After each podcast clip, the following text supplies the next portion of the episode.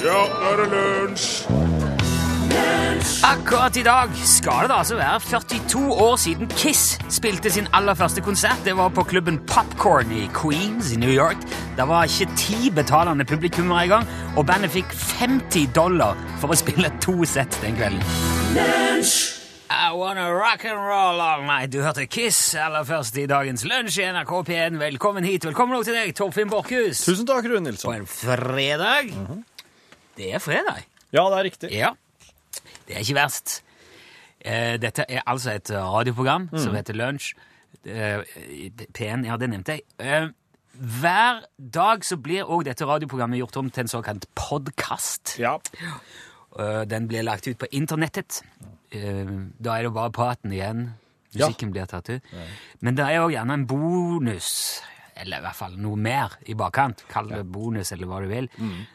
Ofte grenseløst slav eh, om alt og ingenting, som blir spilt inn på kontoret vårt etter at eh, det ordentlige programmet er ferdig. ja. Og der har det i det siste vært en del snakk om eh, GTA 5. Ja. Grand Theft Auto 5 det er et TV-spill, for de som ikke mm, var klar over det. Det er noe som noen syns kanskje er artig og interessant, mens andre ikke fatter poenget med å kaste bort masse tid foran TV-en, med å løpe rundt liksom i en fantasiverden og stjele bil og skyte rundt seg og ja. Og vår gode venn Tom sendte en e-post om dette etter en av de podkastene og sa at selv har han holdt seg unna dataspill. Spill av tid, har Tom tenkt. Men så skriver han òg at han har blitt litt smitta av iveren vår over dette spillet. Som, når sant skal sies, er ganske fantastisk. Det er fantastisk. Så, altså, når man først er Vi skal se det i sammenheng med video, TV-spill og, og i det hele tatt, så er jo det et fantastisk spill. Ja. Um, han har konkludert med at dette her er voksne som leker. da. Og det er jo Jeg har tenkt mye på etter at jeg leste denne posten. Det er helt sant. Det er voksne folk som leker eh, eh, virtuelt. Og den sjangeren spill kalles også sandkassespill, fordi at det, det er som en diger og ekstremt detaljert innholdsrik sandkasse som du kan bevege deg helt fritt i. Du kan ta en bil og kjøre langs eh, motorveier, og naturen, trærne ser du. Du kan stoppe, så kan du gå og bade og dykke. Og Ja. Der kommer det kanskje en hai. Og så kan du ta en motorsykkel eller et helikopter, eh, og du kan sykle tur i fjellet. Og alt er liksom helt risikofritt og ufarlig, og veldig, veldig, veldig godt laga. Og eh, jeg ble jo veldig glad for den diagnosen fra Tom. Det er lek, det er jo moro. Men så ser jeg òg at det går et slags generasjonsskille i befolkningen når det gjelder akkurat dataspill. Ja. Det gjør jo det. Og jeg tror at vi som vel nå er ja, rundt i 40-årene, er omtrent den første generasjonen som vokste opp med dataspill. Selve konseptet ble vel he, he, ja, Det kan spores tilbake til 40-årene. Men at det var spill tilgjengelig som du kunne ha hjemme, det er nok kanskje min generasjon en av de første som fikk, eh, som fikk være med på det. Ja. Mine foreldre har aldri hatt noe interesse av å være med på den leken, og de ser det nok òg litt som spill av tid. Men kanskje de burde prøvd det, for jeg har nemlig kommet over en serie, en internettserie med filmer Ja. som heter Old People React To.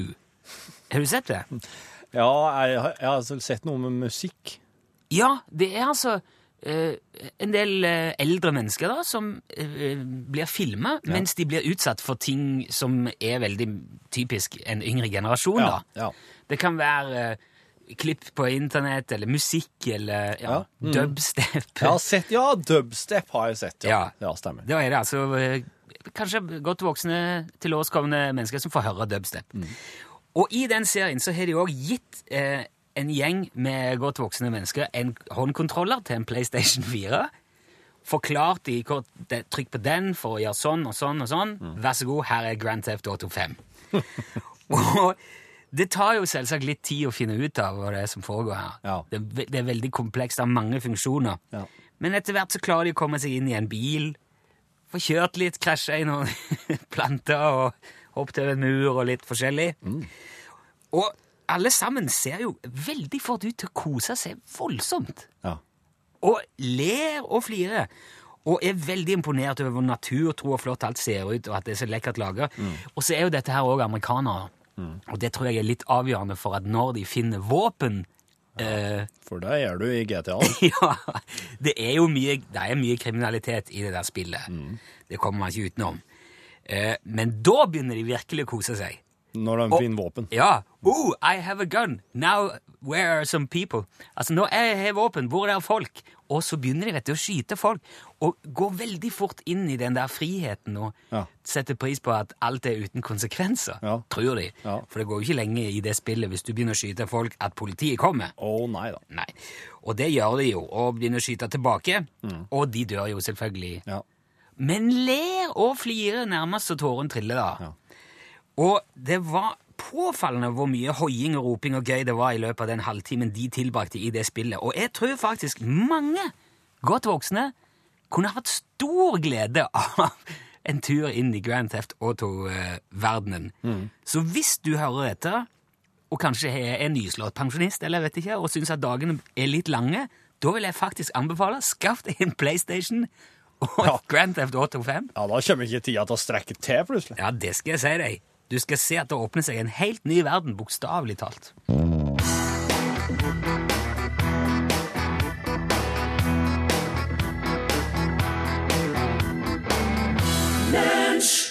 Det var kjempeslutt plutselig, den sangen. Veldig slutt, da. Ja, det var, det var Saft, People in Motion. Da satt vi midt oppi og skulle fikse noe sånn eh, for et kjempeopplegg. Da skulle Ja, det skje nå skal det jo være en eh, fast fredagsting her. Ja, kjør på.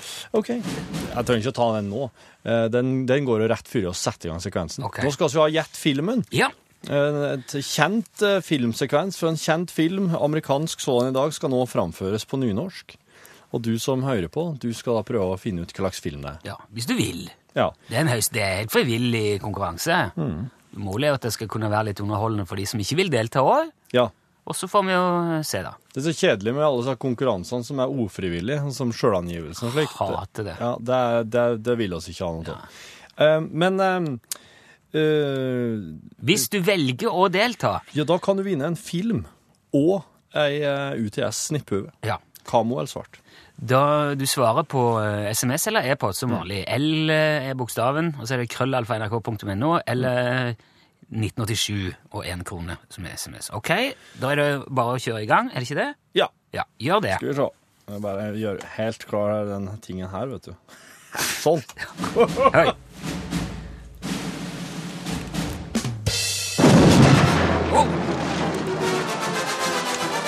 Vi må eh, finne ut hva fangehull denne prinsessa de er i.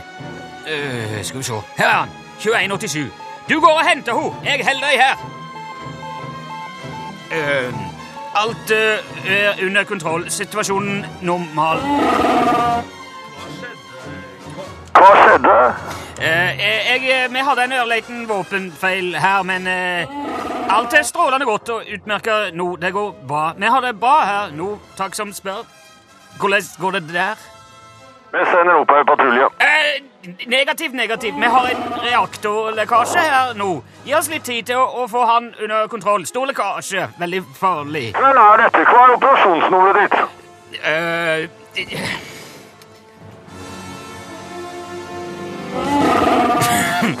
ja, jeg skjøt ham bare kjedelig samtale uansett. Luke! Vi får besøk!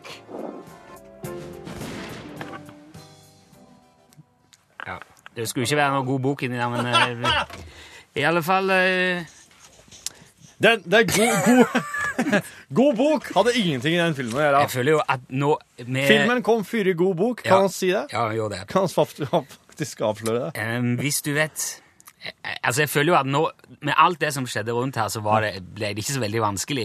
Nei. Men da, da er det desto viktigere å vite hvilken av For det at det er flere filmer i, det, i den serien. Ja, Så da tror jeg vi må være helt nøyaktig på hvilken av de det er. ja det, det, skal, det kan han si. Ja. Så hvilken av de filmene er dette? kan du svare, kan du vinne en film og en UTS-lue. Da sender du svaret ditt med enten e-post L krøllalfa 19 L, krøllalfa, nrk.no. Og L, navn på film, navn og adresse, gjennom du vil ha svart eller kamo snipphue, til nummer 1987. Én krone. Satser på at så mange som at folk vet dette. Ok, da, vår venn eh, Tønes, dråpa i sjøen. Der hørte du eh, 'Draba i sjøen', framført av Tønes. Og eh, albumet som den låten er på, slippes faktisk Det kom i dag. Ja. Så der finner du ikke bare den, men òg låter som 'Antikkmesso på Figgjo'. Figgjo. ja Da- også en som heter Sprø svor, hører Ja, jeg rykter om. og ikke minst 'Da Runar fikk skabb'. Lygn og Det er lort. jo veldig utleverende. Ja. altså. Det er nok en eh, Det er jo et salig blanding av skjemt og alvor. Ja. Men eh, det var dagens opplysning. Du, jeg må hvert fall. bare si en ting òg, at em, jeg har funnet en Jeg fant en Samsung-mobiltelefon i Nedre Møllenberggate i dag. Eh, og den ligger her eh, i studio. Jeg har fått tak i en Samsung-lader, og den ligger her nå i tilfelle det ringer. ja, At eieren ringer, så kommer så, det på så kommer det på radioen. Men jeg, jeg tenker at det er for, for dumt om jeg skal gå glipp av at vedkommende ringer meg. Ja, altså Hvis det ringer, så forklarer du bare nå hvorfor. Det, Ja, i tilfelle, rett og slett. Ja. Det er jo interessant, det der. Du har altså, du valgte å ta den telefonen med deg. ja. For dette her har vi vært inne på før. Ja, burde, du, burde du satt, heng, hengt den på en stolpe? Eller? Nei. Nei. Det burde jeg ikke, men jeg, jeg kunne, hvis jeg hadde hatt et stort papirark med meg, så kunne jeg lagt et papirark på bakken der jeg fant den, og lagt mobilen oppå, for å gjøre den enda mer synlig, for den var nemlig ikke, den var ikke veldig synlig nedpå gata, den her, i det blaute, blanke, på den blaute, blanke asfalten. Nei, nettopp. Den lå den veien, ja. Er Ja. blå? En slags ja, blå? er litt sånn blå mørk, på fargen. mørk blå. Men i alle fall her. Så hvis du er trønder og har mista Jo, han er blå. Hvis du er trønder og har mista Samsung-mobiltelefonen din, så sitter Torfinn med den her. Men du, vet du, det, det derre Bluetooth-symbolet. Ja. B Bluetooth. Blåtann, eh, ja. blåtann. Det der Bluetooth-symbolet, det er jo en eh, eh, Det ser ut som en, en sånn en B, bare at den er veldig sånn ja spist, trekanta. Ja, Og så er han vel bakfra, er han ikke det? Eller, Ja eller er han ikke det? Nei, Nå må jeg skulle se her. det. Nei, han er, det, han er rett Den er rett veien, ja. Ja. Og så er det inni der så er det en strek med et kryss på. Det, Ja, det ser, ut, det ser litt sånn runeskriftaktig ut når jeg det ser på det er initialene til Harald Blåtann. Er det det? Ja, for det er jo Sveriges eh, Eriksson-konsern som har utvikla Bluetooth. Og de har rett og slett eh, latt seg inspirere av Harald Blåtann. Altså eh, som i eh, eh, Han eh, Harald Blåtann. Ja, jeg skjønte Gamle, at du gode, gamle Harald. Og når de Har du mista informasjonen din igjen nå? Nei, nei. Nei. Men, men eh, for at han Harald Blåtann, han, han var regna som en sånn konge som hadde god kontroll på kommunikasjon. Å ja. Ja. Slik at når eh, Eriksson utvikla Bluetooth-teknologien, så ja, hva slags symbol skal oss eh, finne på her, da? Ja, de tok H-en, altså den vertikale streken med et kryss på midten, og B-en, altså som en rune B, og setter dem i hop. HB, Harald Blåtann. Du er ganske fiffig, for det er jo et veldig lett gjenkjennelig Ja. symbol Mm. for blåtann. Det er ganske fiffig blåtann òg, for det er jo en det er jo en måte å sende ting fra A til B på som ikke er likt noe annet. Det er ikke FM, det er ikke radiobølger, det er ikke Det er liksom ingenting Det er noe helt annet. Det er, liksom, det, er, det er jo ikke ingenting heller, men det er jo et eller annet. Jo, men ikke sånn som man kjenner fra før. da. Det er egentlig ganske mystisk. Men det er sånn jo en radiooverføringsprotokoll Okay. i et personlig datanett. Men uh, iallfall uh, Det som eh, Og det jeg reagerer mest på, er jo hvorfor i alle dager eh, tar svenske Eriksson og kaller på at det heter Danmarks første konge? Harald Blåtann. Ja, for, ja. Her har svenskene et forklaringsproblem, men det er jo dømmers. Dømmers greie, egentlig. Ok. Det var det? Det var I tilfelle du skulle ringe i studio, så vet du alt dette her. Ja. Hej på det. Det er jeg som er Kurt Wallander. Om du skal ut og løse mysterier, da behøver du mine spesialkonfiterte detektivklær.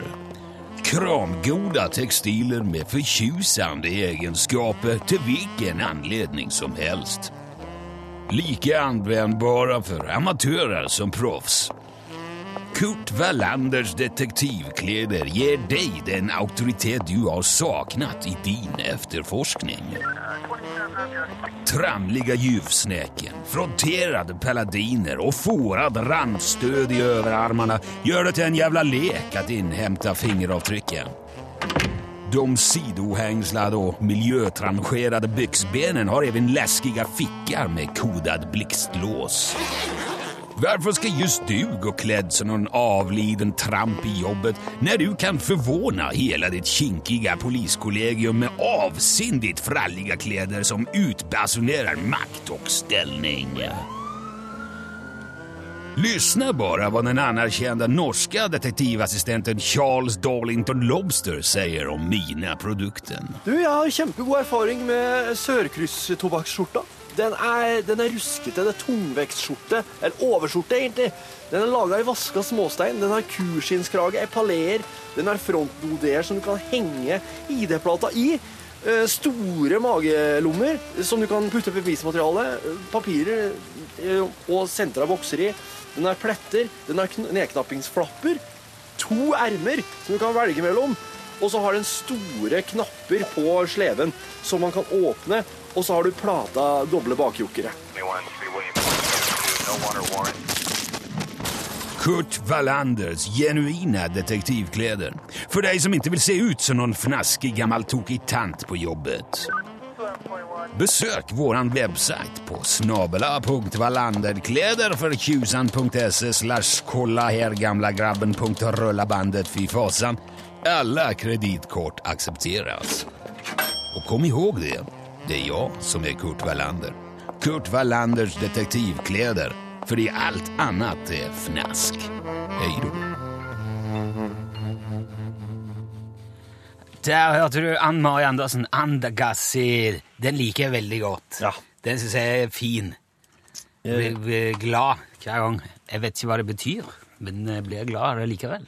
Ja, deg, ja, det har ikke noe slik er med musikk, vet du. Ja. Du, eh, dagens eh, film det var en eh, klassiker fra 1977. ja. Den heter eh, Ja, den Kjært barn har mange navn. Her har vi etter hvert måttet gjort litt eh, Gjort litt eh, om på nummerering og ja. Diverse. Men det, eh, altså, han har vel vært nummer fire hele veien eh, i utgangspunktet. For jeg lurer på om det står i stad Nei, nei nå, er jeg på, nå er jeg under veldig tynn is, men jeg mener på at Ikke når han kom i 77, tror jeg ikke han heter Star Wars eh, 4, nei. episode uh, Episode A New for Hope. A New Hope. Ja. Nei, den heter bare Star Wars.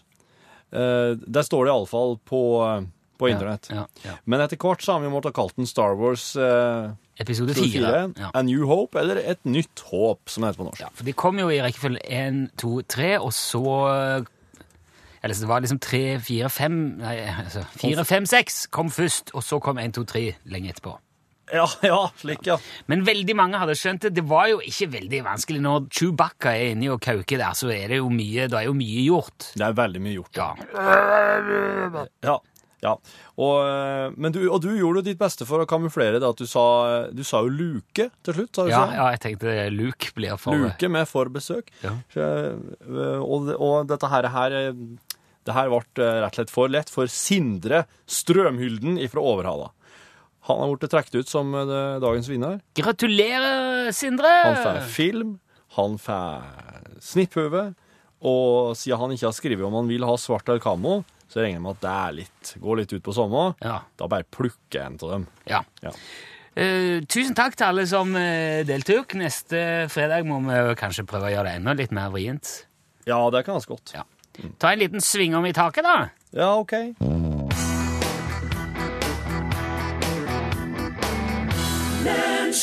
Å, for ei kjensle, vi danser i taket. Len Richie, 'Dancing on the Ceiling'. Ja, det har jeg faktisk ikke tenkt over at de eh, Jeg har bare tenkt at de hadde sånn takfest. Nei, i musikkvideoen så danser de faktisk opp ned i taket. Og det var jo eh, okay. Ja, det er helt utrolig hva som går an. Det må være nesten en sang som kommer av den nye teknologien, tenker jeg. Nå kan han snu kameraet og få det til å se ut som det danser i taket. Ja, det, okay. det er jo ja. Da skal vi jaggu lage en sang om det. Ja. Du, jeg syns det er litt eh, eh, Kanskje litt eh, kjedelig på sportsfronten om dagen når det gjelder sånn dekning av idrett og eh, sånne reaksjoner og slike ting. Så jeg slår et slag for eh, Jeg slår et slag for det, rett og slett. For sportsjournalistikken. Ja, for nei, det er mer sånn inspirasjon, da, kan man si. Ok, Skal jeg bare starte dette her nå? Ja. Jeg vet ikke hva som kommer. Nei. Jeg er spent. Ja, ja. Nei, jeg er ikke Jeg vet jo ikke det. Det er jo på høgde med det som har gjort på det beste, det vil jeg absolutt si. Vi sammenligner litt med det som vi gjorde i Kollen i fjor, og da gikk det òg fantastisk bra på ski.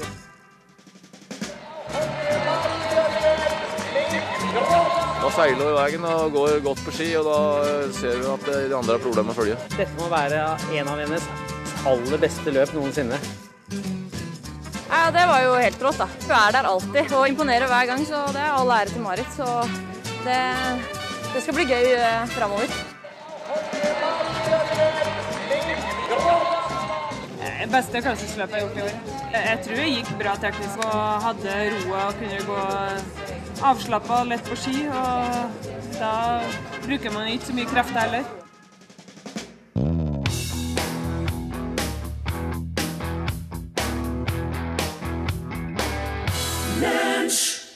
Ja, øh, Du hørte Bendik der. eh, Det var hjertebank og kulde. Mine damer og herrer, ta vel imot nå eh, standup-komiker Torfinn Borchhus. Halloi! Hei! Ja. Jeg så en engelsk cupkamp her. Det var kaldt på banen. To av dem hadde til og med på seg hansker. Hvorfor fungerer ikke sarkasme på kleptomane, da? De tar alt bokstavelig. Dattera mi ønsker seg sånn nyskilt Barbie-dokke til jobbursdagen. Den koster over 5000. Hva kaller du noen som må bruke barberhøvelen over 30 ganger per dag? Nei, en barberer. Okay. Jeg var rimelig kry i går da jeg la ferdig puslespillet jeg har drevet med siden i sommer. På boksen sto det to til fire år. Men hva er det som er verre enn mannssjåvinister, egentlig? Ja, det er kvinnfolk som ikke veit å helle kjeft.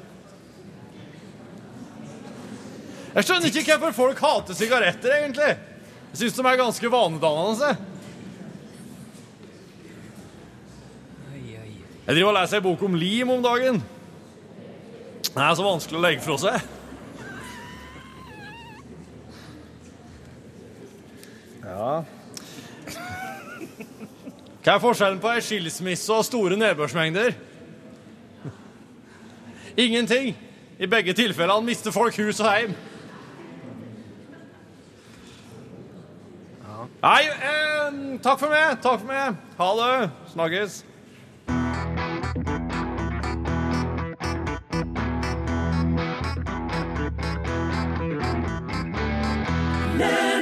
Du hørte Omi. Var det vel? Omi du hørte, ja. Og låten het Cheerleader. Yes, it was cheerleader. Ja, jeg tenkte jeg skulle bare eh, rett og slett gjøre sånn.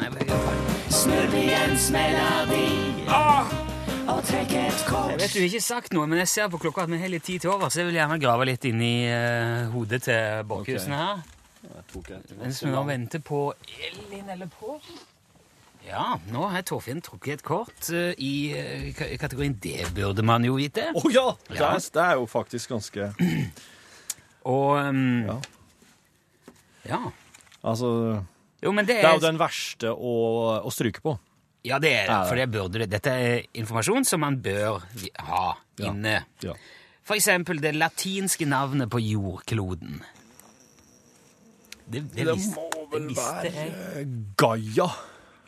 Gaia! Nei, det er ikke Gaia. Det er jo hun gudinnen Det er jo ei eh, Det er jo ei Det er vel gresk mytologi, eller er det ikke det? Skal ikke Ja, kanskje det er deg, ja. Ja. Latinske navn på jordkloden. Mhm. Eh, Nei, da blir jeg dessverre nødt til å si Og ikke bare det! Are you fucking kidding Si det nå. Det her, det holder bare ikke. Tellus. Tellus, ja! I hvilket land ligger byen Waterloo? Waterloo.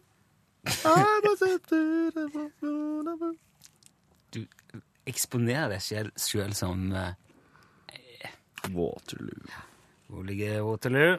Han Napoleon for jo høyt og lågt. Ja, han var jo både her og der. Men, Han var jo en uh, globetrått. Han var ikke der, da, men Nei, men da, jeg synes, nå kan du, vil du spørre en venn, for eksempel på. Pålplassen! Hva ligger byen eh, Waterloo i slags land? I Belgia? I Belgia. Yeah! Selvfølgelig. Selvfølgelig. Er det selvfølgelig? Det heter jo. Blapskopsten, alt det der. Du får eh, voksne folk i studio, så løsner det meg da. Hva heter fotballstadionet i Barcelona som er hjemmearenaen for FC Barcelona? Og det har noe sånn eh, eh, Det heter sikkert Estadio Real. Nei, det er ikke det, altså. Uh, Det hadde ikke jeg visst. jeg har ikke hørt noe. Estadio Gigantical. Nei, det heter Det, det heter faktisk en, en person jeg kjenner som har eh, Vis- eh, Vicente, Stadio Trygve? Vice- Vicente Calderon. Nei! Nei, det er, det er Madrid. Camp Nou. Camp Nou, ja. Camp Nou. Ja, Du skal få en sjanse til til å eh, redde stumpene av ditt ry som uh, kunnskapsbank. Minister, ja. Mitt ry som kunnskapsbank er vel ikke-eksisterende, så Ja, det er i hvert fall ikke nå. Hva heter, hva heter faren til Britney Spears' barn? Uh, Eivind. Spears. Eivind Spears. um, kan det være uh... Nei! Han, han, heter, han heter Kevin Federline. OK. Federline. Ok, Federline. ok. Jo, ja, jeg hørte det. Jeg hørte det. Da syns jeg vi skal Det er- overlate hele greia til de voksne. Pål, Det er helt greit å ikke vite det. Kan du, kan du ta oss videre fra dette her? Pålplassen, det er på tide med norgesklasse. Hva heter prinsessene i Monaco? Ka- Ka- Karoline Ja, og den andre heter Berit. Trine. Nei, noe på S. Det Silje Stephanie. Stephanie! Ja. Ja, ja, ja! ja, ja. Skandaleprinsessen Stephanie. ja. Og Nei, vet du hun hva? er bare glad i livet. Hun er glad i livet, ikke sant? Men jeg har ikke sett mye til henne i det siste. Ikke så mye skandaler nå lenger, er det det? Nei, men det kan kanskje ha å gjøre med at hun fyller 50 år nå. Og da er det jo grunn til å se litt på Stephanie sitt liv. Ja. Hun var jo så glad i sirkus og hest og Stephanie. Og feriereiser og slike ting. Og meget mer faktakunnskap skal du få om det. Så det blir liksom det glamorøse og det glitrende i norgesklasse i dag. Ja. Og så skal, og skal stille et adda stort spørsmål. Er det lov å gå på føttene eller sykle i skiløypa? Ja, det er det.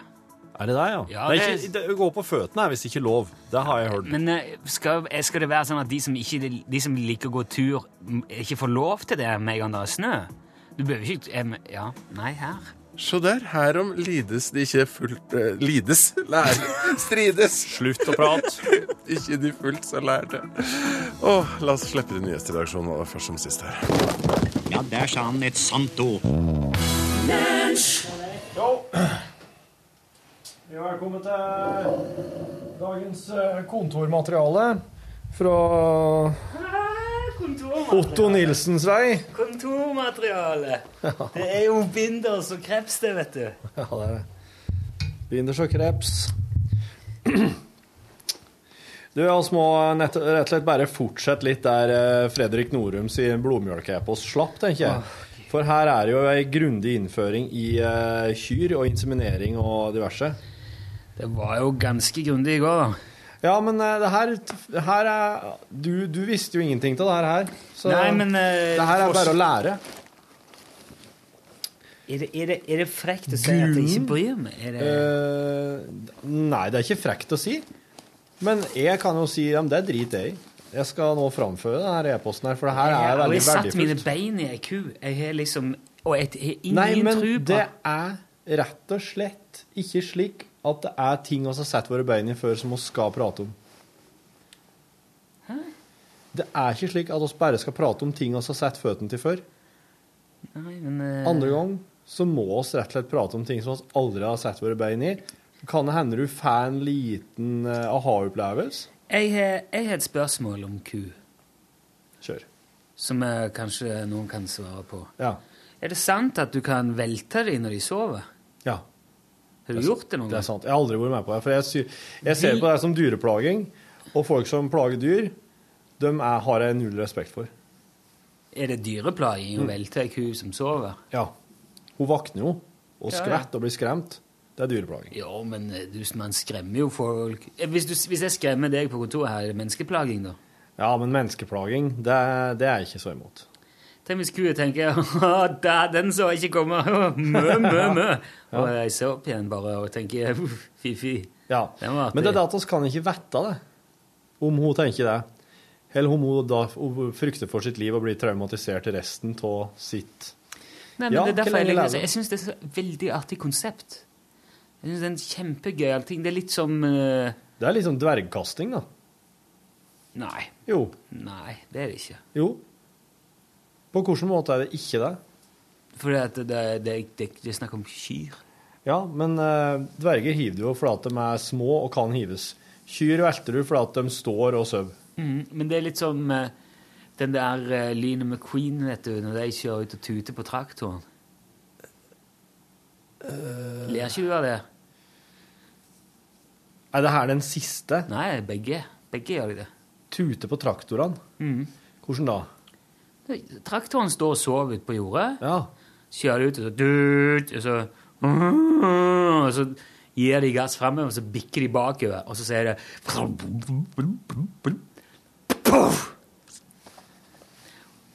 Og så har ikke lynet tuta, så han ruser.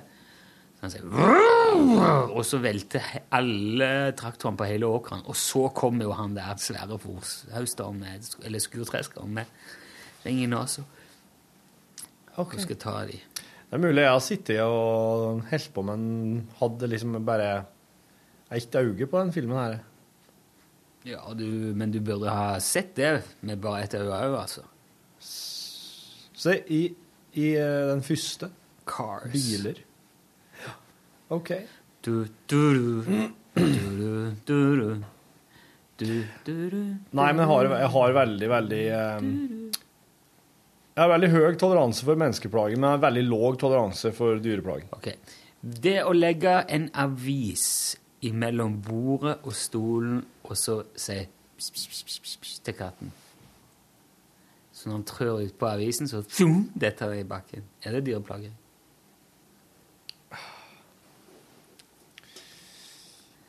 Det Kattene er jo på en måte Når de detter, så er de jo De er bygd for å dette, tenker jeg. Hvis du setter sokker på ei bikkje, sånn at han tenker «Øh, 'Hva er det nå? Dette skjønner jeg ingenting av', og spretter rundt med høye kneløft. Det er dyreplageri. Ja, de bruker jo sokker på huskyhundene, eksempel. Ja, men hvis du setter det på, på en vanlig, liksom, et vanlig hund, så blir de veldig sånn øh, Ja, nei, det, det, det er ikke en, jeg tror ikke det er en sånn ting som de tar sånn At de De blir ferdig sånn sjelesår av det. Nei. Så det er Du er ikke helt kategorisk. Ikke helt kategorisk, nei. Det er det ikke. Men grensa går med velting, da? Eller går det før? Tror du det så kult? Ja, altså, det, det, det, er sier, veldig, det kommer veldig an på reaksjonen til hunden, da, det å sette på sokker. Hvis den hyler og skriker og spreller og spretter og vil vekk, vil vekk, vil ikke være med på det her, da syns jeg at det er dyreplaging. Ja, men, hvis du setter på en, en hund sokker, og den bare sitter der og OK, ja vel, og så går den rundt og bare Hva er det her? Da er det ikke, det er ikke dyreplaging. Men er det det som vil skje med ei ku hvis du velter? At du hyler og skriker og vil vekk? og... Du, det veit jeg ikke, for at, eh, jeg har jo aldri vært med på det. Nei, men det Men kua vil jo vakne. Den må jo nødvendigvis det. Jo, men er Eller det- sover den bare videre? I så fall så er det nå egentlig da er det noe bare sånn Altså, kua våkner og tenker 'hvordan i alle dager havna jeg her'? Hvis det er sånn at kua detter liksom bikker rett over og går i bakken som en sekk og Ja. liksom slår seg, Ja. så eh, OK, det, det er jo ikke noe Det er jo ikke noe hyggelig. Det er jævlig mange kilo som velter og Ja, ja, treffer det, bakken der. da. det slår meg jo. For det er jo nødvendigvis det som ligger i kuvelting. Ja. Nei, jeg, jeg, jeg, Ja, men Jeg søk du det opp på nett, da. Og så se. Nå spør jeg jo. Vi er jo flere som kan mye om kyr. Ja. Men det at du kan mye om kyr, behøver ikke nødvendigvis bety at du vet hva som skjer hvis du velter ei. For det er ikke nødvendig. Jeg vet ikke, altså Om Fredrik Norum har velta ei ku noen gang, det tror jeg ikke nødvendigvis, sjøl om han kan mye om dem. Hvis, hvis øh, Ja, sau Nei, for kyrne står og sover, gjør de ikke? Kan i hvert Altså, gjøre det. jeg trodde at eh, Jeg trodde vel egentlig at det var hesten som gjorde det, og at kyrne ikke nødvendigvis sto og sov, for de kan jo, de kan jo like gjerne legge seg ned. Ja. Uh, jeg, jeg, nei, altså, jeg vet ikke. Men jeg syns som sagt eh, at det er et veldig uh, Du, jeg søker på cow. Første som kommer opp, det er cow-tipping. Cow-tipping.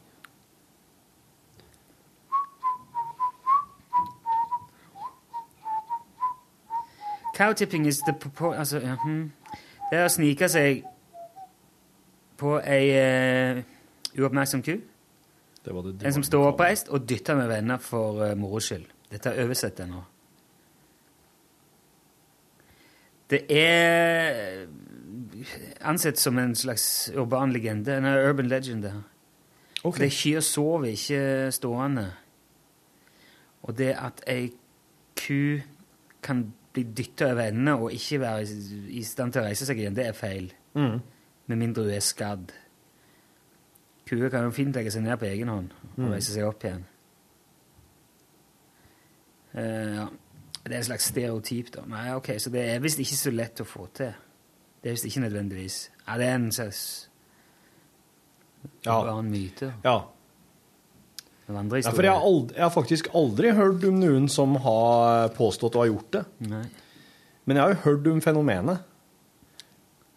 Men da er det rett og slett Men det, det må jo ha opphav. Det må jo komme fra en plass.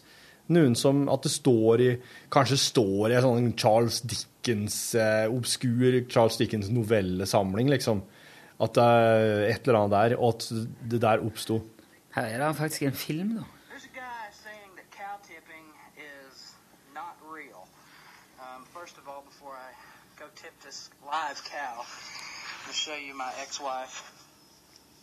I show you my ex-wife. Er And there will be a video response sent to him. So Daddy. Skal vi se Jeg skal bare se om han gjør dette. nå, For da.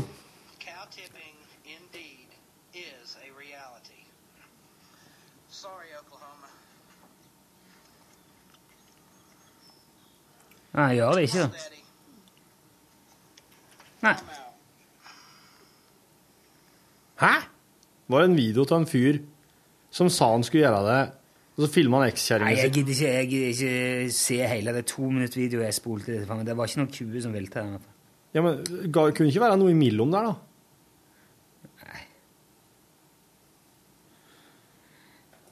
Kuvelting. Dette er podkastfaglig veldig svakt. Cowtipping fake, debunking a persistent rural legend. Vet du hva jeg foreslår, Rune? At du gjør litt sånn research i dette her, her til mandagen, og så kan du eh, rett og slett logge lage et grundig journalistikk på det mandagen. Ja, det. Herlig. Fredrik eh, Norum forteller her om inseminasjon av ku. Jeg fortsetter. Grunnen til at vi inseminerer kua kunstig, er at på den måten kan vi holde stålkontroll på avl. Da kan vi velge en okse som har genetikk som passer med det vi ønsker å fokusere på i vår besetning. For tiden har vi fokus på jur. Vi vil at kua skal ha små, faste og friske jur uten lekkasje. Mye fordi vi har melkerobot, og den setter enkelte begrensninger i forhold til hvor omfangsrike jurene kan være. Ved inse... Unnskyld. Ved inseminering vet vi også akkurat når befruktninger skjer, og det blir lettere å planlegge ting i forhold til termindato og slikt. Selve insemineringen foregår på følgende vis. Når dyrlegen kommer, har vi satt kua fast i en fanghekk. Dette er et form for gjerde som kua stikker hodet gjennom for å spise, som har en mekanisme som gjør at hun ikke klarer å få hodet ut igjen før vi åpner fanghekken igjen. Dyrlegen har på forhånd fått beskjed om hvilken okse vi ønsker å bruke. I bilen sin har hunden beholder på størrelse med en 5 kilos propanbeholder som er fylt med flytende nitrogen. I den har hun doser med sæd fra ymse okser, både ungokser og eliteokser. Logistikken bak at sæd... Øhm, Logistikken bak all sæden får vi ta en annen gang. Det er en omfattende prosess. Men dyrlegen finner i alle, frem, i alle fall frem den dosen med sæd som vi ønsker oss, og legger denne i en termos med akkurat passelig varmt vann, slik at sæden kan livne til igjen. Så tar hun med seg veterinærkofferten sin og sæden bort til kua. Der tar hun frem sæden som befinner seg i et langt og tynt plastrør, og setter røret inn i et instrument som ser ut som en slags halvmeterlang flerbrukssprøyte. Instrumentet er ikke tykkere enn et sugerør. På dette tidspunktet tar jeg tak i halen til kua og holder den fast på ryggen til kua mens jeg klør henne på nakken for å avlede henne litt fra hva som skjer der bak. For nå har dyrlegen tatt på seg og lubrikert den lange engangshansken. Hånda som befinner seg inne i denne hansken, entrer nå anus på kua og begynner å grave ut det som er av avføring der inne. Samtidig blir insemineringsinstrumentet satt inn i kuas fjuttelure. Når så tarmen er tom for avføring, kan dyrlegen ved å kjenne gjennom endetarmsveggen sørge for at sæden blir sluppet akkurat der den trenger å slippes. Nå er kua forhåpentligvis blitt gravid, eller drektig, som det heter i kuverden. Drektighetssjekk. Dersom ikke kua viser tegn til brunst etter noen av 20 dager, er vi ganske sikre på at dette gikk greit, men for sikkerhets skyld tar vi en såkalt drektighetssjekk ved etter 42 dager. Prosedyren er mye den samme som ved inseminering, bare at nå skal dyrlegen kjenne gjennom endetarmsveggen etter tegn på utvikling av et foster. Etter det jeg har forstått, foretas det noen klypeøvelser der inne, og det letes etter en fosterhinne, men dette kunne like greit vært magi for min del. Kalving. Dersom kua blir konstatert drektig, er det bare å vente på kalving, og i dagene før termin følger vi med som noen hauker. Før kalven kommer, mykner hun i bekkenet, utvikler jur og ymse andre kjerringrådaktige ting vi kan se etter. Erfaring er et nøkkelord her. Kua blir så satt i en egen binge, og noen ganger gjør hun jobben selv, og andre ganger trenger hun hjelp. Kviger som kalver trenger ofte hjelp, og ved behov Kviger som kalver trenger ofte hjelp, og ved behov så trør vi til. Det beste er dersom de klarer det selv, da det minsker sjansen for komplikasjoner av typen revning og slikt. Noen ganger kommer kalven feil med bakbena først, og da blir det litt stress. Den er jo konstruert for å komme med frembeina og hodet først. Andre ganger kan den komme med rumpa først, og da har vi det gående om og inn der og fiske frem beina og alt det der, men det er heldigvis såpass sjelden at jeg ikke har opplevd det enda. Som regel går dette veldig greit, og voksne kyr ordner stort sett dette på egen hånd. Men det er jo viktig å følge med i tilfelle rottefelle, som de sier her oppe. Når kalven er kommet ut, gir vi den til kua med en gang, slik at hun kan vaske den. Slikkinga hjelper også på blodomløpet til kalven. Med førstegangskalverne er dette alltid spennende, for de reagerer så forskjellig på kalven. Det er jo ingen som har fortalt kviga hva som foregår, og enkelte skvetter til da de ser hva som kom ut av seg. En og annen gang vil hun ikke ha noe med avkommet å gjøre, men stort sett ordner det seg i løpet av det første døgnet. Råmelk. Førstegangskalv. Og her kommer det en ting som jeg er veldig opptatt av i soingraut-sammenheng. Førstegangskalverne har gjerne ikke så mye melk, ei heller er de vant med å bli melket. Men dersom den nybakte mora er ei voksen ku, pleier vi å melke noen liter fra henne med en gang. Den første melka som kommer, er det som kalles råmelk. Den er helt annerledes enn vanlig melk. Gul og tjukk og skikkelig feit og stappfull av immunforsvar. Kalven er nemlig født uten immunforsvar og får i den første tiden dette gjennom melka fra sin mor. Nå ringer telefonen som jeg har her. Oh my god! Det er altså den telefonen som Torfinn fant på vei til jobb i dag. Hallo, det er Torfinn. Ja, det har jeg. Du, den er på Så, eh, eh, NRK Tyholt. Ja, han, eh, du hørte jo det i sendingen i dag. Han ringte noen ganger, Jeg den var nå. på tur til jobb i dag, og jeg jobber der. Så jeg tok den meg hit og fikk lada den, for den hadde ikke noe eh, Den hadde ikke noe strøm omtrent. Men, men Ja, OK, du er kollega med Alexandre. Ja, for jeg, fikk en oppringning tidligere i dag, og han eh, han, eh, han kunne fortelle meg hvem det var han prøvde å ringe. Ja, sier det, ja. Dette er jo eh, Dette er jo litt kjedelig podkaststoff, da. Ja, det er bra. Ja.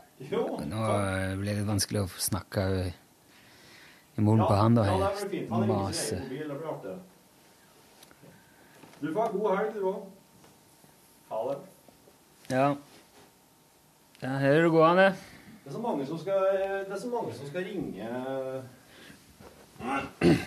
Men nå ordner det seg. Ja, ja, det ordner seg. uansett. Well, kalven er nemlig født uten immunforsvar og får i den første tiden dette gjennom melka fra sin mor. Derfor er det om å gjøre å få i kalven noen liter av denne melka så fort som mulig. Etter 15 minutter drikker de fleste av våre kalver fra flaske, og vi gir dem 2-3 liter råmelk. Etter en halvtimes tid er de gjerne oppe på beina og leter etter juret selv. Vi fryser ned råvalg, som, råmelk som vi, kan, som vi kan gi til kalver etter førstegangskalvere, eller lage råmelkspudding av. Melka kan tømmes rett i en ildfast form og settes i steikeovnen i en halvtimes tid, og så blir det pudding av det. Det smaker noe i retning av karamellpudding, men selv er jeg ikke så begeistret for det. Jeg er veldig begeistra for det, Fredrik, og dette her er òg mjølk som er med eh, en viss risiko påstår brukes til å koke soingrøt. Produksjon. Etter tre dager slippes kua ut i genpop, og da og går på melkeroboten. Vi skiller ut melka den første uka og gir den til kalvene. Denne melka konserverer vi ved å syrne den. Prosessen her er enkel. Ta 20 liter fersk melk og bland den med 1 liter surmelk fra butikken. Dagen etter har du 21 liter surmjølk. Deretter er det bare å holde blandingen i live ved å fylle på med ferskmelk. Ja, surmelka i butikken lever. Nå går kua og melker i omtrent 60 dager før hun blir inseminert på nytt. Omtrent to måneder før kalving tørrlegger vi henne ved å hurtig trappe ned på kraftfôrmengden, samtidig som vi begrenser antall melkinger i døgnet. Når hun så plutselig går i energiunderskudd, kompenserer hun ved å produsere mindre melk. Og når hun ikke får melke like ofte, vil det bli litt spreng i juret, noe som også medfører en brems i produksjonen. Vi gir dem også kraftfôr etter en planlagt kurve som lar oss styre kuas produksjon til en viss grad. Så når hun har kommet så langt ut i laktasjonen at hun skal tørrlegges, produserer hun vanligvis ikke mer enn 10 liter i døgnet uansett. Og dersom kua er frisk og fin, kan vi i prinsippet bare slutte å melke henne uten at hun tar skade av det. Så er det to måneder hvor hun går tørr, og så er det på'n igjen. Våre kyr melker i gjennomsnitt rundt 9000 kilo, altså liter, per laktasjon, med et spenn på fra 4000 til 5000 på de dårligste kviggene, til 12 000 til 14 000 på de beste kyrne. For å sette det i perspektiv kan jeg fortelle at enkelte gromkyr kan ha dager hvor de melker over 50 liter i døgnet. Tenk litt på det, dere. Hvor mange liter melk går det i din husholdning i uka? Og så kommer det blodmjølk her. Fredrik sier at han har googla blodmjølk. Og tror du ikke at det dukket opp en tweet om dette fra ei journalistdame jeg tidligere har vært borti på sosiale medier, men som jeg nå har mistet minst 23 respekt for? Det må jo være mulig å tenke seg litt om før man forteller slike ting videre. Jeg klarer ikke å mobilisere samme aggresjon mot Jørgen, han er tross alt fra Stjørdal, men som bot synes jeg det er helt rimelig av meg å forlange at han lager en public spilleliste på Spotify med fokus på oss som syns at Weezer er helt topp. Det ble langt igjen, da. Beklager det. Kan for øvrig opplyse om at fiberkabelkua er blitt til kjøttdeig og indre- og ytrefilet. Det ble ganske mye kjøttdeig. Sikkert 200 kilo. Spent på biffen, dog. Har aldri smakt gamleku før. Fredrik. Har vel Aldri sett Aldri sett på ei ku som en um, fabrikk på den måten som jeg gjør nå, før. Nei. Altså en produksjonsenhet. Det er en produksjonsenhet, ja. Det er det. Og eh, det slår meg nå at som ku så tror jeg et velt inni og ne er det minste problemet. Ja. Jeg tror det vil være en kjærkommen avveksling etter en sånn engangshanske, rumpeutgraving, kunstig inseminering mens hodet er låst fast i eh, foringsgitterprosess. Jeg tenker, jeg tror det er mange kyr som står der fast inni der med Mm. neve oppi ræva og tenker åh, den som bare kunne blitt velt over i litt gress ute. Og, og, og, og ja, ja, ja, ja, slik, ja. Jeg tror du tenkte Og, og pult på gamlemåten. Jeg Jeg så, eh, det var en sak Det har gått en dokumentar om Astrid Lindgren på NRK i tre deler. Veldig, veldig god dokumentar. Fantastisk dame, hun der, altså. Ja. Hun engasjerte seg litt i dyrevelferd eh, Ja. på et tidspunkt. Og uttalte annet til til nederlandsk TV at uh, hun syntes det var så leit. De får ikke engang hatt seg med en ordentlig okse. Det er bare en kunstig eh, kjepp. And that is not the same, sa hun. Ja, ja. Så hun slo et slag for at kyrne skulle få seg et ordentlig nypp i ny og ne. Eh, Alle som har blitt fista, kan vel kjenne seg igjen i det. Åh, Torfinn. Det er litt snodig at Astrid Lindgren er så opptatt av dyre, dyrevelferd, og så skriver hun Pippi Langstrømpe som har ei ape og en hest inni huset sitt, og driver og løfter den hesten til stadighet. det er fiksjon, det. Ja. For hvis du skal bli indignert på vegne av hesten, så må du òg akseptere Pippis krefter som et faktum, og da er du altså langt ute og sykler allerede. Da er du her. ja. Bicycle! Eh, jeg så en ting her som jeg tror jeg var nødt til å nevne. Ja.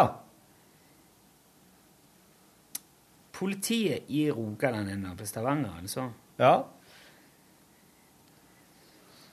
fikk melding her om eh, en taxi som kjørte rundt med det som noen mente kunne være et IS-flagg. ja. I Rogaland? Mm. Ja.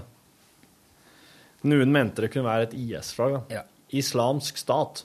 På en taxi. OK uh, er, er La oss si at det var et IS-flagg, da. Mm. Er det, det er ikke lov, det? Hvis du har et flagg som eh, er en IS-sympati Uttrykk for IS-sympati, er det ulovlig? Nei, det tror jeg ikke. Så hvorfor rykker da politiet ut med seks biler og omringer taxien og spør er dette et IS-flagg? Og taxien sier jo selvfølgelig nei.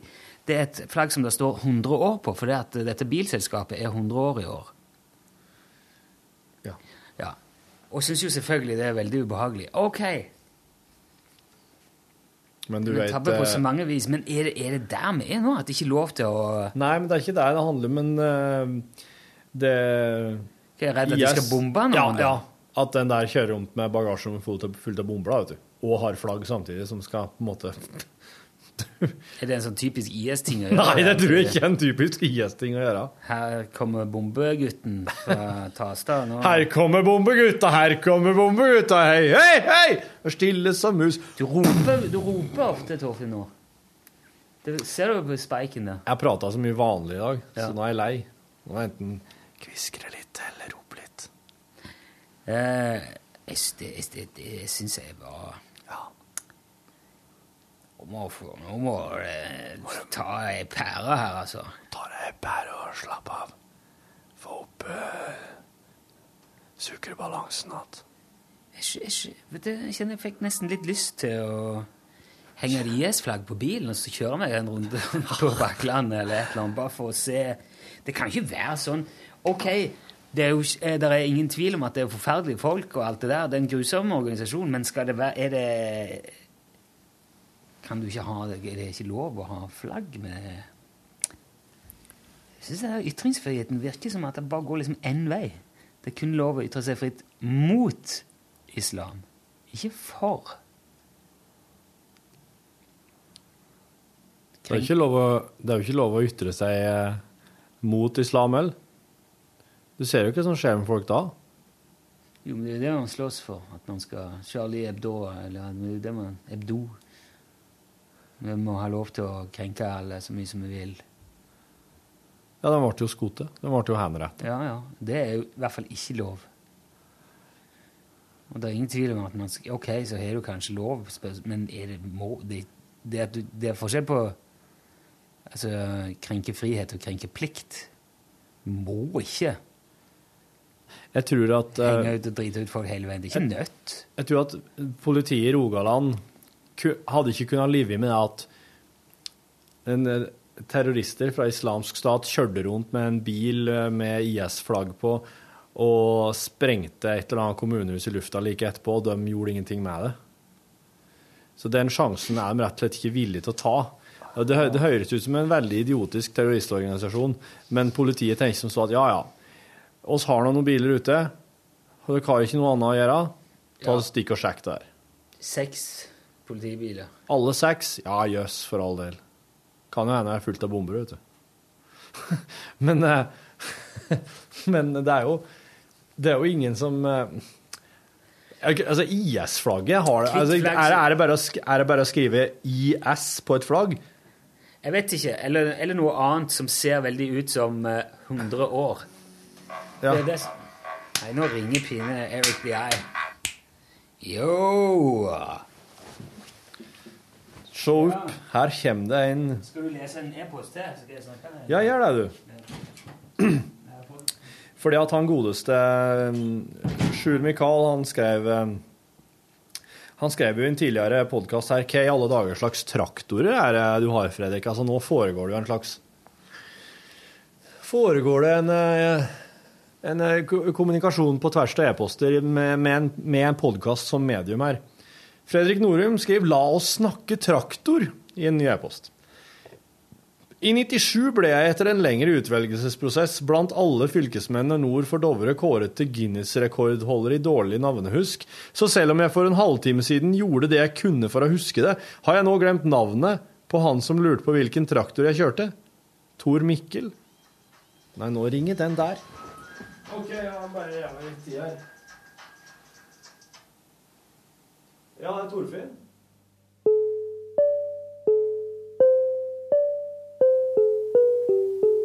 Sånn, vet du. Ja.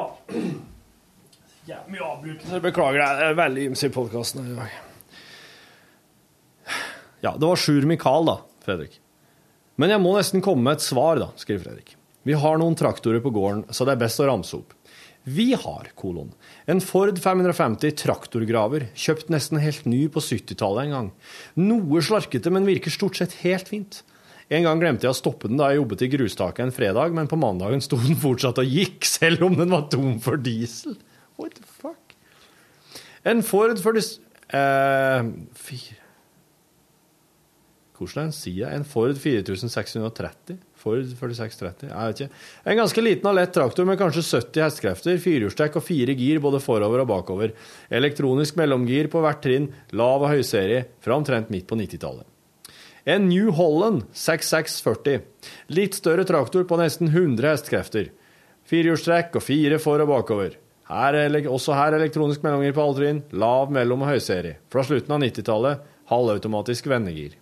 En New Holland 6640 SLE, samme årsmodell og motor som den forrige, men denne kjøpt billig av naboen fordi den ikke virket på alle girene. Denne har en elektronisk girkasse med åtte gir fordelt på to serier i tillegg til høy- og lavserie både forover og bakover. Halvautomatisk vendegir. Dobbel kløsj på denne, sånn at innad i gruppene girer den veldig kjapt, akkurat som en racerbil. Denne er oppgradert med DAB-radio. En New Holland T6040 2008-modell ble kjøpt for to år siden like før Slåtta, da alle de andre traktorene havarerte samtidig. Denne har omtrent 170 hestekrefter i en sekssylindra motor, 18 eller 19 gir fremover og 6 gir bakover i en helelektronisk og halvautomatisk supermoderne girkasse, og den har helautomatisk vendegir. I prinsippet trenger man ikke å bruke kløtsjen i det hele tatt med denne. Stor og tung traktor som lett river ned kabler. Jævla traktoren. En og en halv Volvo fra 60-tallet som jeg, en mann på 1,76, er altfor lang til å kunne bruke uten å få krampe, og en modifisert Ford County fra 1907 og, brøm, 1907 og brødmangel. Den sistnevnte starter, men gassen har hengt seg opp, så det er full gass hele tiden. Volvoen trenger ny motor, etter det tidligere nevnte havarimaratonet for to år siden. En Weidemann minilaster med en bitte liten dieselmotor og ett gir fremover og bakover.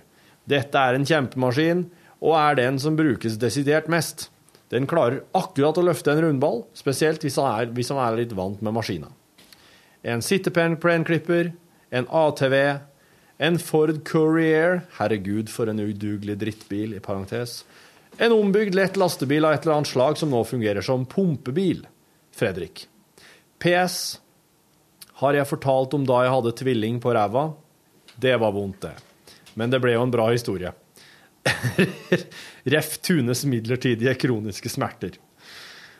Nei, du har ikke fortalt om da du hadde tvilling på ræva, Fredrik, men det Det skal du ikke være redd for å gjøre. Uh, og så har han Sjur Mikael sendt oss en e-post der det står Podolski er polsk-tysk, faktisk. Hullu! Du mun veturu runde til pudkusten. Hun kum til trunhumugur lukultud. Forresten kan informere at de traktorene som er på gården her, er en Massey Ferguson 382 fra 1997 med laster, en Skibaura SD 4540 fra 1977 og en Massey Ferguson 135 fra 1968. Men inviter Ronny nedom en tur, da. Sjur, parentes Jon Obi, parentes slutt, Mikael. Og det gjorde oss jo i går, Sjur Mikael. Så der var altså innsendte e-poster fra styret behandla. Og Rune Nilsson er attkommet. Hva skjer da? Det, var det greit med Eric DI? Ja. Ja, bra. Jeg lurte på om han skulle eh, kjøre i dag eller i morgen tidlig. Mm. Jeg må gå og lese en voice til til Vidar. Ja. Gud, du har lest for noe voice? Det er Da skal i gang en sånn uh, musikktest. Musikktest? Ja. Uh, musikkredaksjonen og, og P1 vil gjerne finne ut hva, hva lytterne syns om musikken. Det er en veldig fin anledning tror jeg, for mange som eh, har meninger om musikken i P1, til å si det. Skal jeg si deg hva de syns? De syns at å spille altfor mye den samme musikken om igjen. Ja, ja, ja. Jeg vet det. Det er det de syns. Ja, Noen syns det, og noen syns det ene og det andre. Noen syns Jeg har aldri hørt noen som har sagt dere spiller ikke de samme låtene nok om igjen. Ja, er det ikke min musikkredaksjon?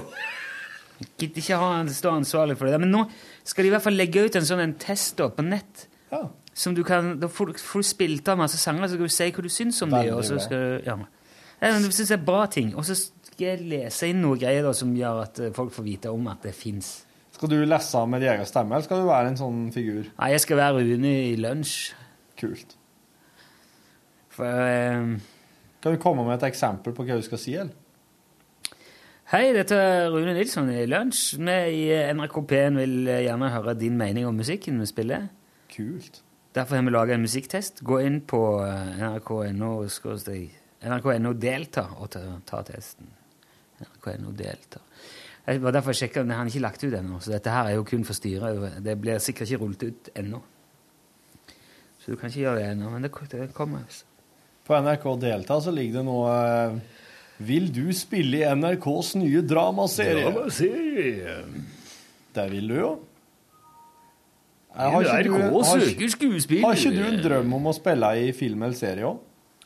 Jeg har lyst til å være med i en film. Jeg. Faen, jeg, skulle, jeg fikk jo spurt om jeg ville være med i en film. Den der venteblinke. I Annet-innboksen til en Rune på Facebook så lå det 'Hei, vil du være med i film?' Ja, altså, det føler jeg er liksom det, det uttrykket jeg ikke har fått uh, Det har jeg aldri liksom vært med på. Jeg har aldri Jeg har vært med og spilt inn plater og ja, TV-program eh, og livesendinger. Jeg har vært med på veldig mye artig, men film mangler jeg, liksom. Ja. Og så syns jeg at film som uttrykk er veldig sånn Ja, det er kult. Det er liksom det Det må være nesten det siste skanse. Det er liksom det optimale Ja. uttrykket, føler jeg eh, Ja. Så jeg har alltid hatt lyst til å sjekke det. Spe- liksom prøve å teste ut en rolle sånn på den måten. ja. Det, det, Har du da en slags spesiell en sånn rolle i tankene? Altså hvilken type Nei, det har jeg ikke. Det har jeg ikke tenkt på i det hele tatt. Nei. Men du kunne, du kunne like gjerne vært good guy som bad guy.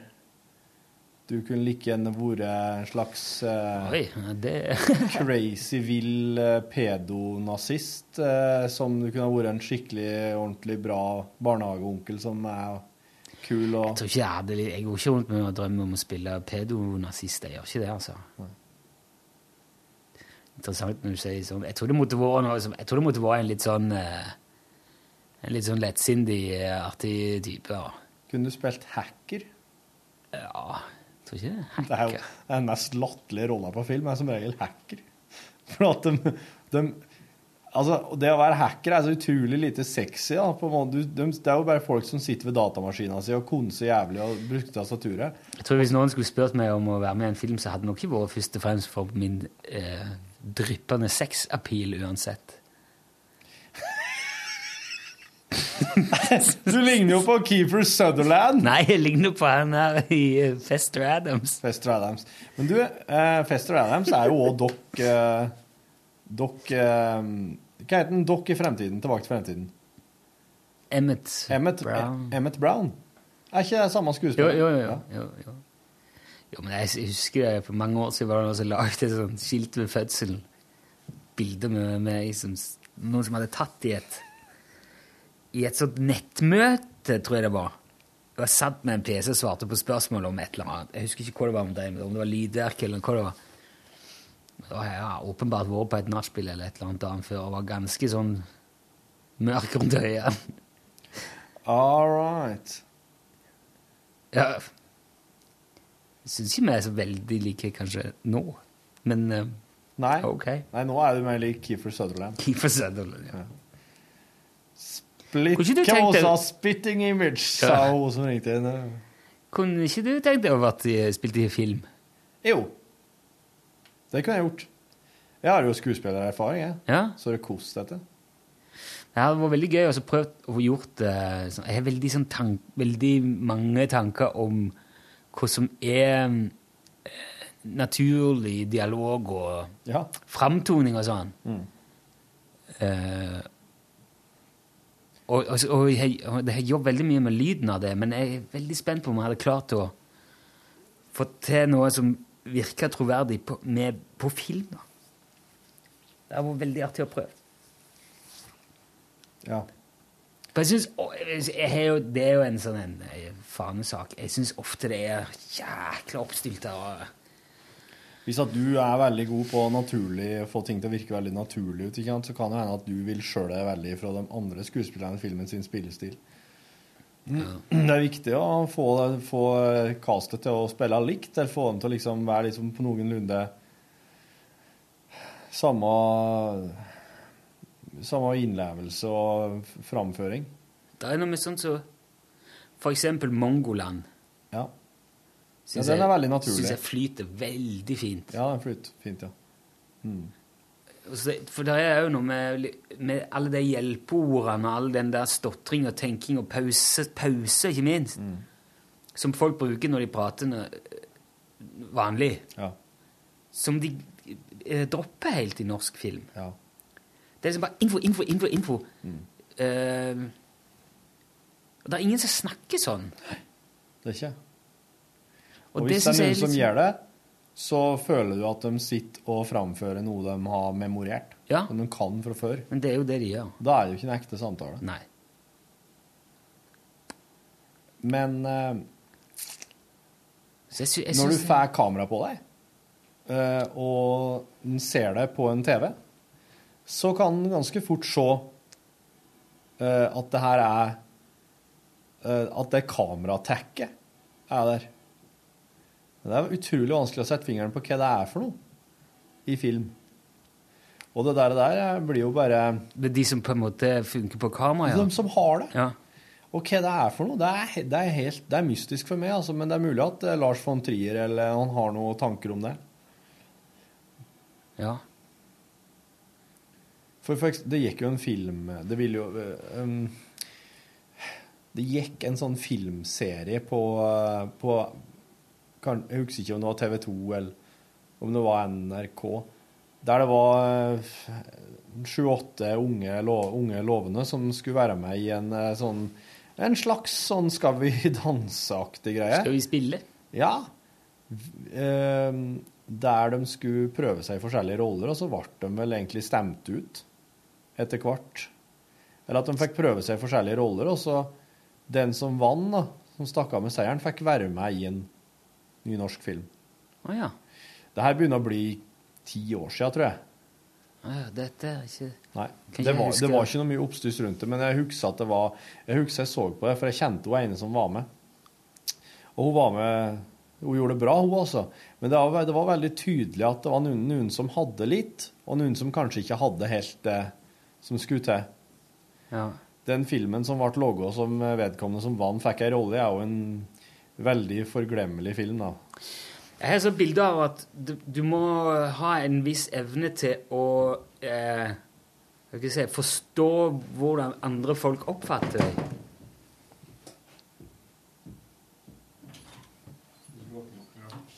Stikk på. Har ikke du data nå? Slipper ikke unna. Må jo liksom, Når vi starter opptaket, så må vi prate. Er Sonny Johnson. Hello, Sonny Johnson. Her kom han. Jeg hørte jeg gikk forbi kontoret ditt og sa at du spilte Hva var det du spilte da? Du spilte brølhøy musikk. Det jeg spilte på nå, mm.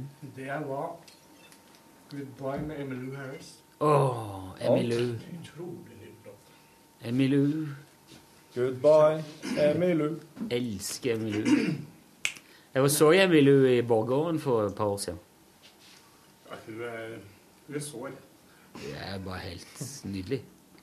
Ja, det er en nydelig låt. Den, er, den albumet er fra 90-tallet. nå, Det er liksom altså en artist som har holdt på lenge. Ja. Altså liksom 90-tallet. Det Jo, blir men- liksom sånn som Bob Dylan. Ingen som, det er jo oversiktlig på Bob Dylan fra 90-tallet. Nei. Så tenkte jeg litt samme med henne, men så jeg gikk bare i kjøpet om en låt der, og det er jo fantastisk. Ja. Det er en uh, Sett deg her nå. Jeg, har, jeg har en deal. Om det En deal? Steve Steve Earl-låt. Steve Earl, ja. Steve Earl. Ja, hun, hun synger Steve Earl-låten eh, 'Goodbye'. Den den var der, eh, Hard Bargain. Den Johnsen. Det er umulig å få han til å sette seg ned. Han er liksom bare alltid på vei.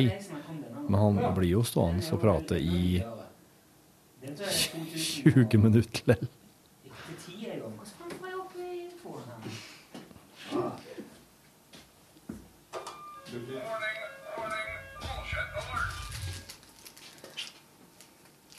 Du vet at du er med, du er med i podkasten nå, ja, Sola? Ja, ja, bra. Jo, Klapperskjern hemmelig. Ja, 2011 er den. Nydelig plate.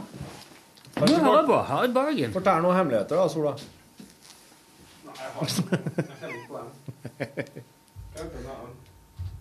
Jeg det er den. Er på 2000. Mye.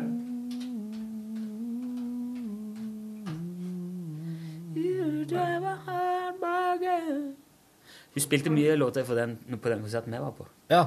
Da du tissa i koppen. Og drakk det. Det som er litt artig, at det titter på plata. Det det heter Wre- Wrecking Ball. Hva Heter den det? Ja, Wrecking Ball, det er jo den eh, Det er jo Miley Cyrus som har skrevet den. Det.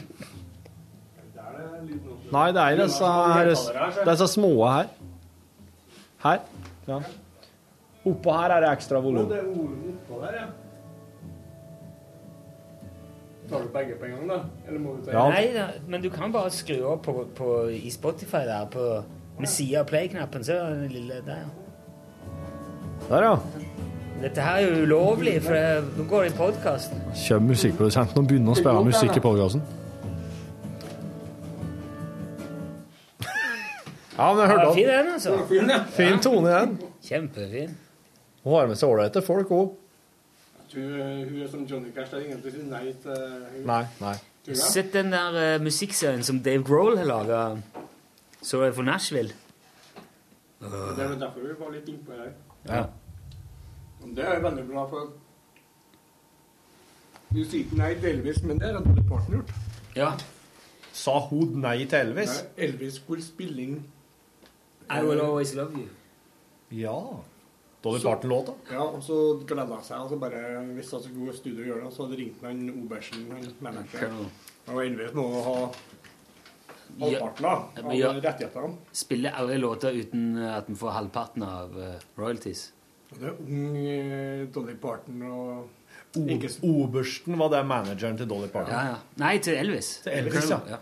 Ja. Og så han skulle ha halvparten? Nei, Elvis skulle ha halvparten Det var Sånn at ikke de laget som laga låt til Elvis, skulle Elvis ha halvparten Elvis skulle stå i låtgreiene, eller Mm. Aha. Ja, Men hvis du fikk Elvis til å synge en sang, så hello. Ja. Ja, ja. Men Dolly Parton sa nei. Mm. Dette er livet mitt, så hun liksom var skikkelig Da spilte ikke de inn, da. Nei. Men hun er jo det hardest working girl in that business. Ja, ja. Det- Hun sitter på rettighetene på alle låtene sine. Hun har ikke solgt noen til forlaget nå. Nei, så Whitney Houston fikk ikke Whitney Houston fikk ikke halvparten, hun, nei. Nei, hun måtte synge. Ja. Men hun er smart. Hun er skikkelig Hun er ikke blond og dum, hun, altså. Men så var det han der eh, var det Zac Brown han het, han som Ja. han produserte. Det- pianisten altså, pianisten Var det Zac Brown? Nei. Nei, det ikke det Zac Brown han het han som Dave Grohl produserte plata for, han med skjegget. Ja, ja. Han, eh, de hadde også skrevet en låt som het uh, Fried Chicken. Ja. Og så eh, var det noen som plukka den opp og spilte den. Og så Ja, der, eh, ja, og så um, hadde de sagt ja, OK, spill den gjerne. Og ja, han holdt på med den låten. Men det, er liksom, det var før han slo gjennom den sjøl, Ja, For de ville, de ville var litt li av sånn glatt rock, Ja. glatt uh, Nashville, eh, som kom sånn, ja, litt sånn Ja. Et annet band som tok det Og så um, De fikk lov til å spille den inn. Ja. Men de skulle, nei, de fikk lov til å spille den, men ikke spille den inn og ha den på radio, liksom. Og det var sånn, de, den de, de, skulle ikke spilles på radio, det Ja. var det som var greia. Men eh, plateselskapet ville jo ha den som singel, og det gjorde de. Og, og, og gi den ut, men ikke på radioen. Og så Men de skulle på radioen, ble jo ja. Ja, unnskyld. fortell. Ja, og så, så, så gjorde de det likevel. Sendte den på radio? Ja. Aha. Sendte den til radio, sånn at de skulle få radiospilling for det andre bandet. Hans låt. Ja. Han sa nei, det vil ikke faen. Det er jo det, er jo det som er liksom låten vår. Det er den som eh, vi skal det, det, det er liksom det vi har. Det er den låten nå. Så det er det sterkeste kortet vi har. Så vi, hvis den skal på radio, så vil vi spille den sjøl. Ja. Men da hadde de liksom Nå husker jeg ikke hva han heter, men det var jo liksom Mr. Nashville. Det er han som trekker i alle trådene i Nashville. Ja, Og og han- Det var han, Ja. sjef og liksom okay. det var han som hadde signa det andre bandet. Ja. Og han sa ja, den skal vi ha på. Det vil være veldig dumt av dere å liksom nekte det. Jaha. Men han sa nei. Zac Brown, ja. Nei, det er vår låt, den skal vi ha. Og så hadde han jo spilt på eh, en sånn legendarisk plass der i Nashville, og da kom det en annen sånn Faen, jeg husker Når jeg så ingen bildet av navn. på avstand, tenkte jeg jeg så ut som Ken Vasenius Nilsen. Ja, det gjør det.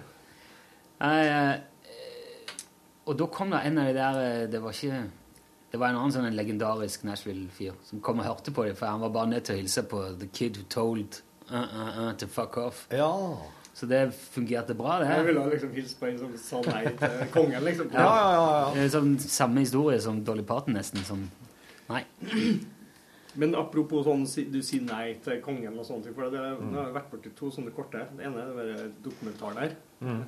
Se den. Den er veldig bra. Nå har jeg, jeg har vært i Nashville, og nå skal jeg hjem til i kveld. Ja, jeg, en ja, jeg tror jeg har tre stykker eller sånn som har gått. De ligger i nett-TV. der. Det var Foo Fighters, eh, ja, det er. Dave Grohl som har produsert den serien. Reiser rundt og ser på forskjellige sjangre.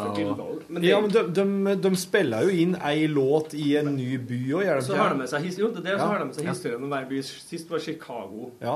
Ja. Så er det masse artister derfra. Altså, det er noen musikkhistorie. Du trenger ikke like Foo Fighters. Nei, nei, nei. Nei, nei, nei. Som ikke liker Foo Fighters, men som er bare De spiller en, en låt sjøl til slutt. Ja. Mm. Men det som handler om Inntil med Emily Harris eller, eller ja, liksom masse artister som Mm. stilte opp, da. Ja. Og ja, er det det han gjør? De spiller inn liksom én låt til den plata på hver plass, eller Ja. to? Eller? Ja, ja, ja. Det var derfor jeg forsto det valg. Og så blir det ei plate til slutt. Spilt Ja, inn så på mange plata er jo gitt ut. Den kom jo ja Plata er gitt ut, ja. Ja, ja, ja. Ok. Plata kom i Hvorfor Ja, er Foo Fighters-plate er de spiller inn, da? Han Det, det, det er der, Sola. Det er bare å kikke på. Men du skrev Sonic med Z. Det er derfor det blir Men den er veldig kul. ja. Den er, I hvert fall den om Nashville var veldig gøy å se, syns jeg. Skrev jeg feil? Ja, det var det. Jo, du skrev med Z, ser du. Ja, Jeg skal ikke ta det her. Nå håper jeg på det, bare se. Selvfølgelig. Ja. Sonic Highways, ja. Det heter jo plata for faen. Mm. Ja, ja, ja. Men han Zac Brown han eh, fikk jo òg Dave Grohl til å produsere plata si for seg. Kalte det for The Dave Grohl Sessions, eller noe sånt. Den er ganske sånn Ja, det er jo sånn moderne, det er jo sånn moderne country, men med litt mer old school-sving over det enn Ja. For det, country nå er jo eh, Ja. tenkte du skulle se det. Ja. Det er gutta med Det er jo det er øl og damer og Jævlig god til å spille. Det Zack, Det er bandet her. Ja, det var veldig tøft, det. Zack Zac Brown uh, må sjekke ut. Ja, jeg skal bare se på den der her. Kan se hva det står da? For det er noe... Oi, skal vi se. Sonic Det ligger ute en uke på NRK.no, nå, og så forsvinner jeg. Ja, Bare ei uke, ja. det det er HBO, ja. Lyden av Nashville ligger ut nå. Den går av i kveld. To av skal jeg åtte. Én de nå. En så var de Nei. Chicago. Etter James. Kelly West. Ikke altså har han med folk som Ok, så neste nå er Seattle, ja. Så hadde de med dere um, Hvor lenge var det den som ligger der nå? Seattle nå. Nå er Thamsen til Ja, men den til der- Nirvana nå. Ja, altså, men når, hvor lenge ligger Nashville? Den går ut uh, 15 timer. 15 timer til. Den går ut Ja, må jeg se den i kveld, jeg, skjønner. Ja. Sist visst på den i kveld. Det- Jeg tar det opp jeg, bare for å, at det ikke går glemt. Ja. Veldig bra bilder, og veldig artig med musikkhistorie. Du skjønner liksom at eh, Du har sett på Ron Wood-showet? Ja, ja. Det er, Det, og det liker jeg òg veldig godt. Du, nå er det jo eh, Dette er podkasten sin, det. Det er podkasten sin. ja, men det er det er lett å reklamere for sånne ting, ikke Ja, ja. Ja, ja, ja. Jeg bare tenker så veldig sånn internt og Ja, det for, men for det som er Men det er ingen som blir tvunget til å høre podkast. Du kan bare skru av. Hvis du sitter og hører på dette og kjeder deg, så er det, er det bare deg sjøl å takke. Kjære folk, jeg tar en Red Bull, jeg. Begynner klokka ti på åtte i kveld, så er jeg faktisk fra sida. Alle episoder skal skje. Jeg bare nysgjerrig. Jeg syns det var så artig å se på. Jeg får sånn historie sjøl inni. Altså, Ja. får liksom, skjønner du Jeg så Og så får du liksom der. essensiell kunst, det musikken. Jeg syns liksom Dæven, det herre, hvorfor du hører på musikk, det er ikke bare tull. Det er, det er mye sjel, da. Munkholm. Munkholm, ja. Men apropos en sa nei til kongen, jeg Ja, kikket på dok dokumentar Med batteri er du helt forrykt. Ja, Er det- Kan jeg ikke åpne Nei, Det er veldig dumt å bruke batteri til sånn. Ikke punktere sånne ting. Men jeg så en dokumentar om eh, Malon Brando en dag. Jeg likte liksom filmene hans. Jeg var på filmklubben i yngre dager. Og, og da så vi liksom den der første rocka filmen med The Wild One. Hvor han kommer i sånn MC-jakke og ski og på en engelsk motorsykkel. Og sånn hvit, hvit Fra 52, Så, men det Ja. som er tøft, de kommer liksom MC-gjengen i en by. Så går det inn, så ser det ut som det er tidlig James Dean. Så ikke sant? det er sånn Ja, ja, rocke-outfit. Hvis han, hvis han bare dør så- Dongeribukse, første dongeribuksa. Er ganske høyt oppå livet. Men skinnjakke og så den capsen. da. Så går den inn i baren, altså. Så går han inn i litt sånn tøff, og litt sånn cowboyaktig, så kommer til Så får han en øl. Så jekker han ølen. Så tar han en klunk. Prøver å skjerme henne litt nervøse jenter bak i disken. Så går han bort til jukeboksen. Så kommer det sånn eh, Sånne, sånne eh, søramerikanske. Sånn, rocken har ikke funnet opp ennå. Heldigvis. Rocken har ikke kommet ennå. Så står sånn Så det blir samba. Ja, det er litt sånn eh, Bossa Nova-lignende. Den Ja. scenen her. For liksom tenk om nå kommer en Elvis Så står sånn Du, tenk så vanskelig For det det var ikke rocken hadde ikke kommet tatt tak ennå. Tenk så vanskelig å være tøff før rock. Ja, men Nå er jo tøff, da. Men det er helt til en begynnelsen så blir det litt ja, Close, but not close enough. Men han er jo tøff i hele filmen. Men det er musikken tenker jeg. Det er der som Han litt sånn der forut. Litt dere rocken hadde ikke kommet. Men der er intervjuet med ei som var sammen med Malin Brande, for hun var en jentefut. Ja. Det var Han har jo tolv unger og sånt. Jeg kikka på hvilken måte å sjekke. Tolv unger med diverse. Og så så sa hun Så lå de hun intervjuet meg, var en ganske pen lille dame. Ja, men jeg, for Jeg visste jo at han for, jeg visste jo at han for høyt på i seng med forskjellige damer. Ja. Så det var egentlig greit. Vi hadde ikke noe deal, men etter hvert så orka ikke dette. Så, så lovte han å være trofast, da. Ja. Men så skjedde det jo likevel, da. Så midt oppi det mens jeg var banna, så ringte eh, Obersten, altså manageren til Elvis. For hun har vært hun var med i noen sånn filmgreier, sånn biler, veldig vakker. Du ser, ja. Så Elvis hadde sett hun da. Ja. Så spurte om hun ville ha en date. Så tenkte jeg Det intervjuet med TV- TV-en der, så sier jeg ja, hvorfor ikke? Nå har jeg liksom vært litt med ene kongen, da kan jeg prøve den andre kongen.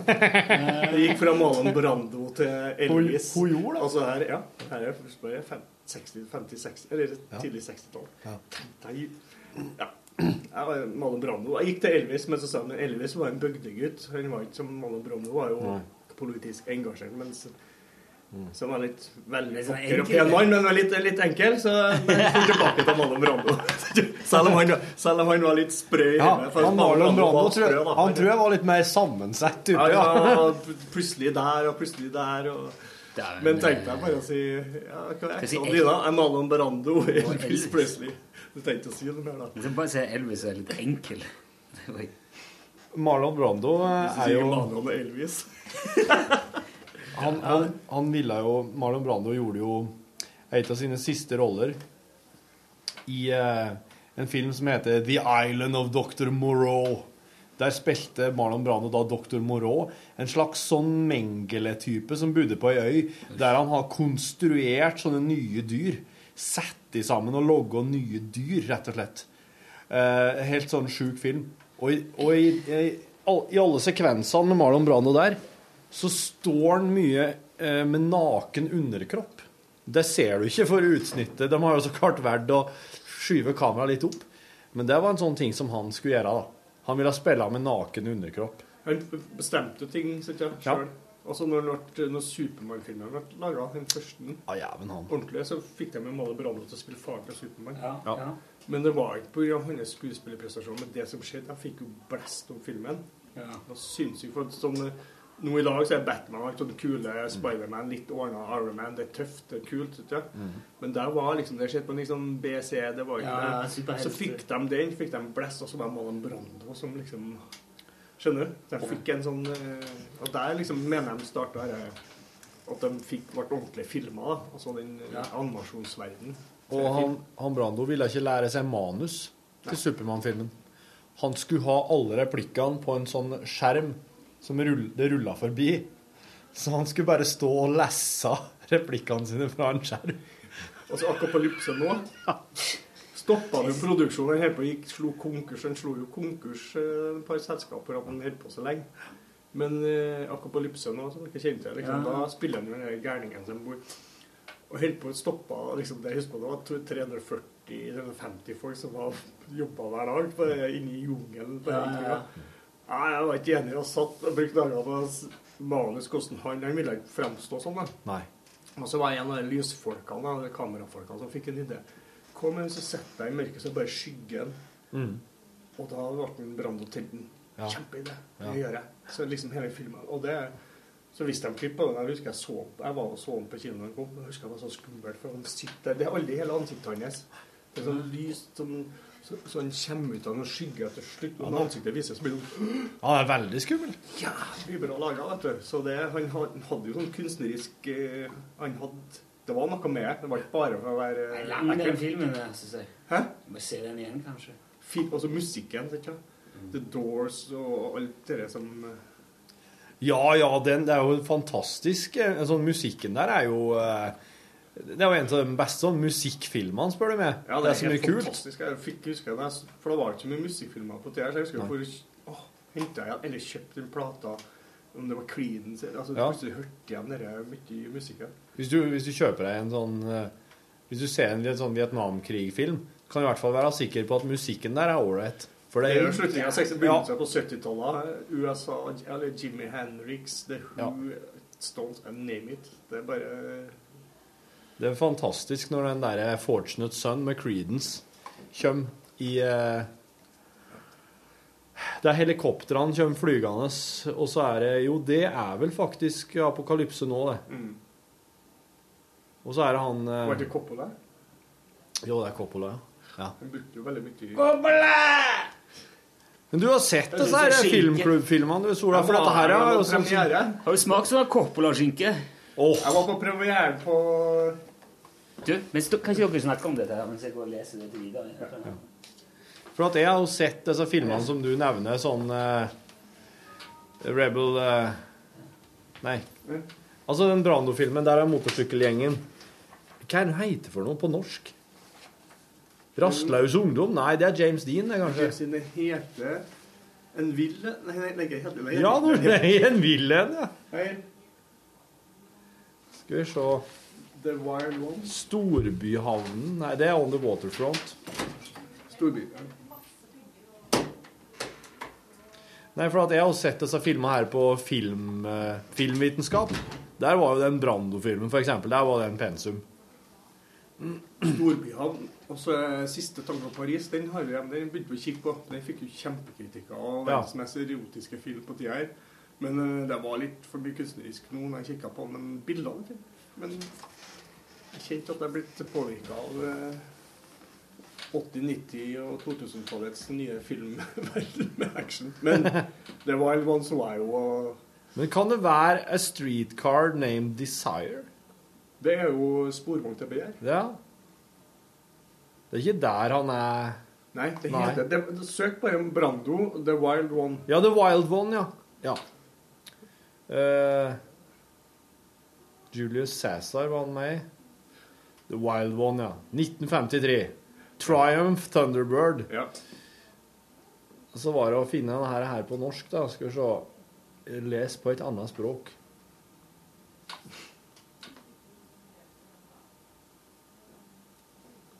Nei. Vill ungdom. Vill ungdom. Vill ungdom, ja. En skikkelig ungdomsfilm. Ja.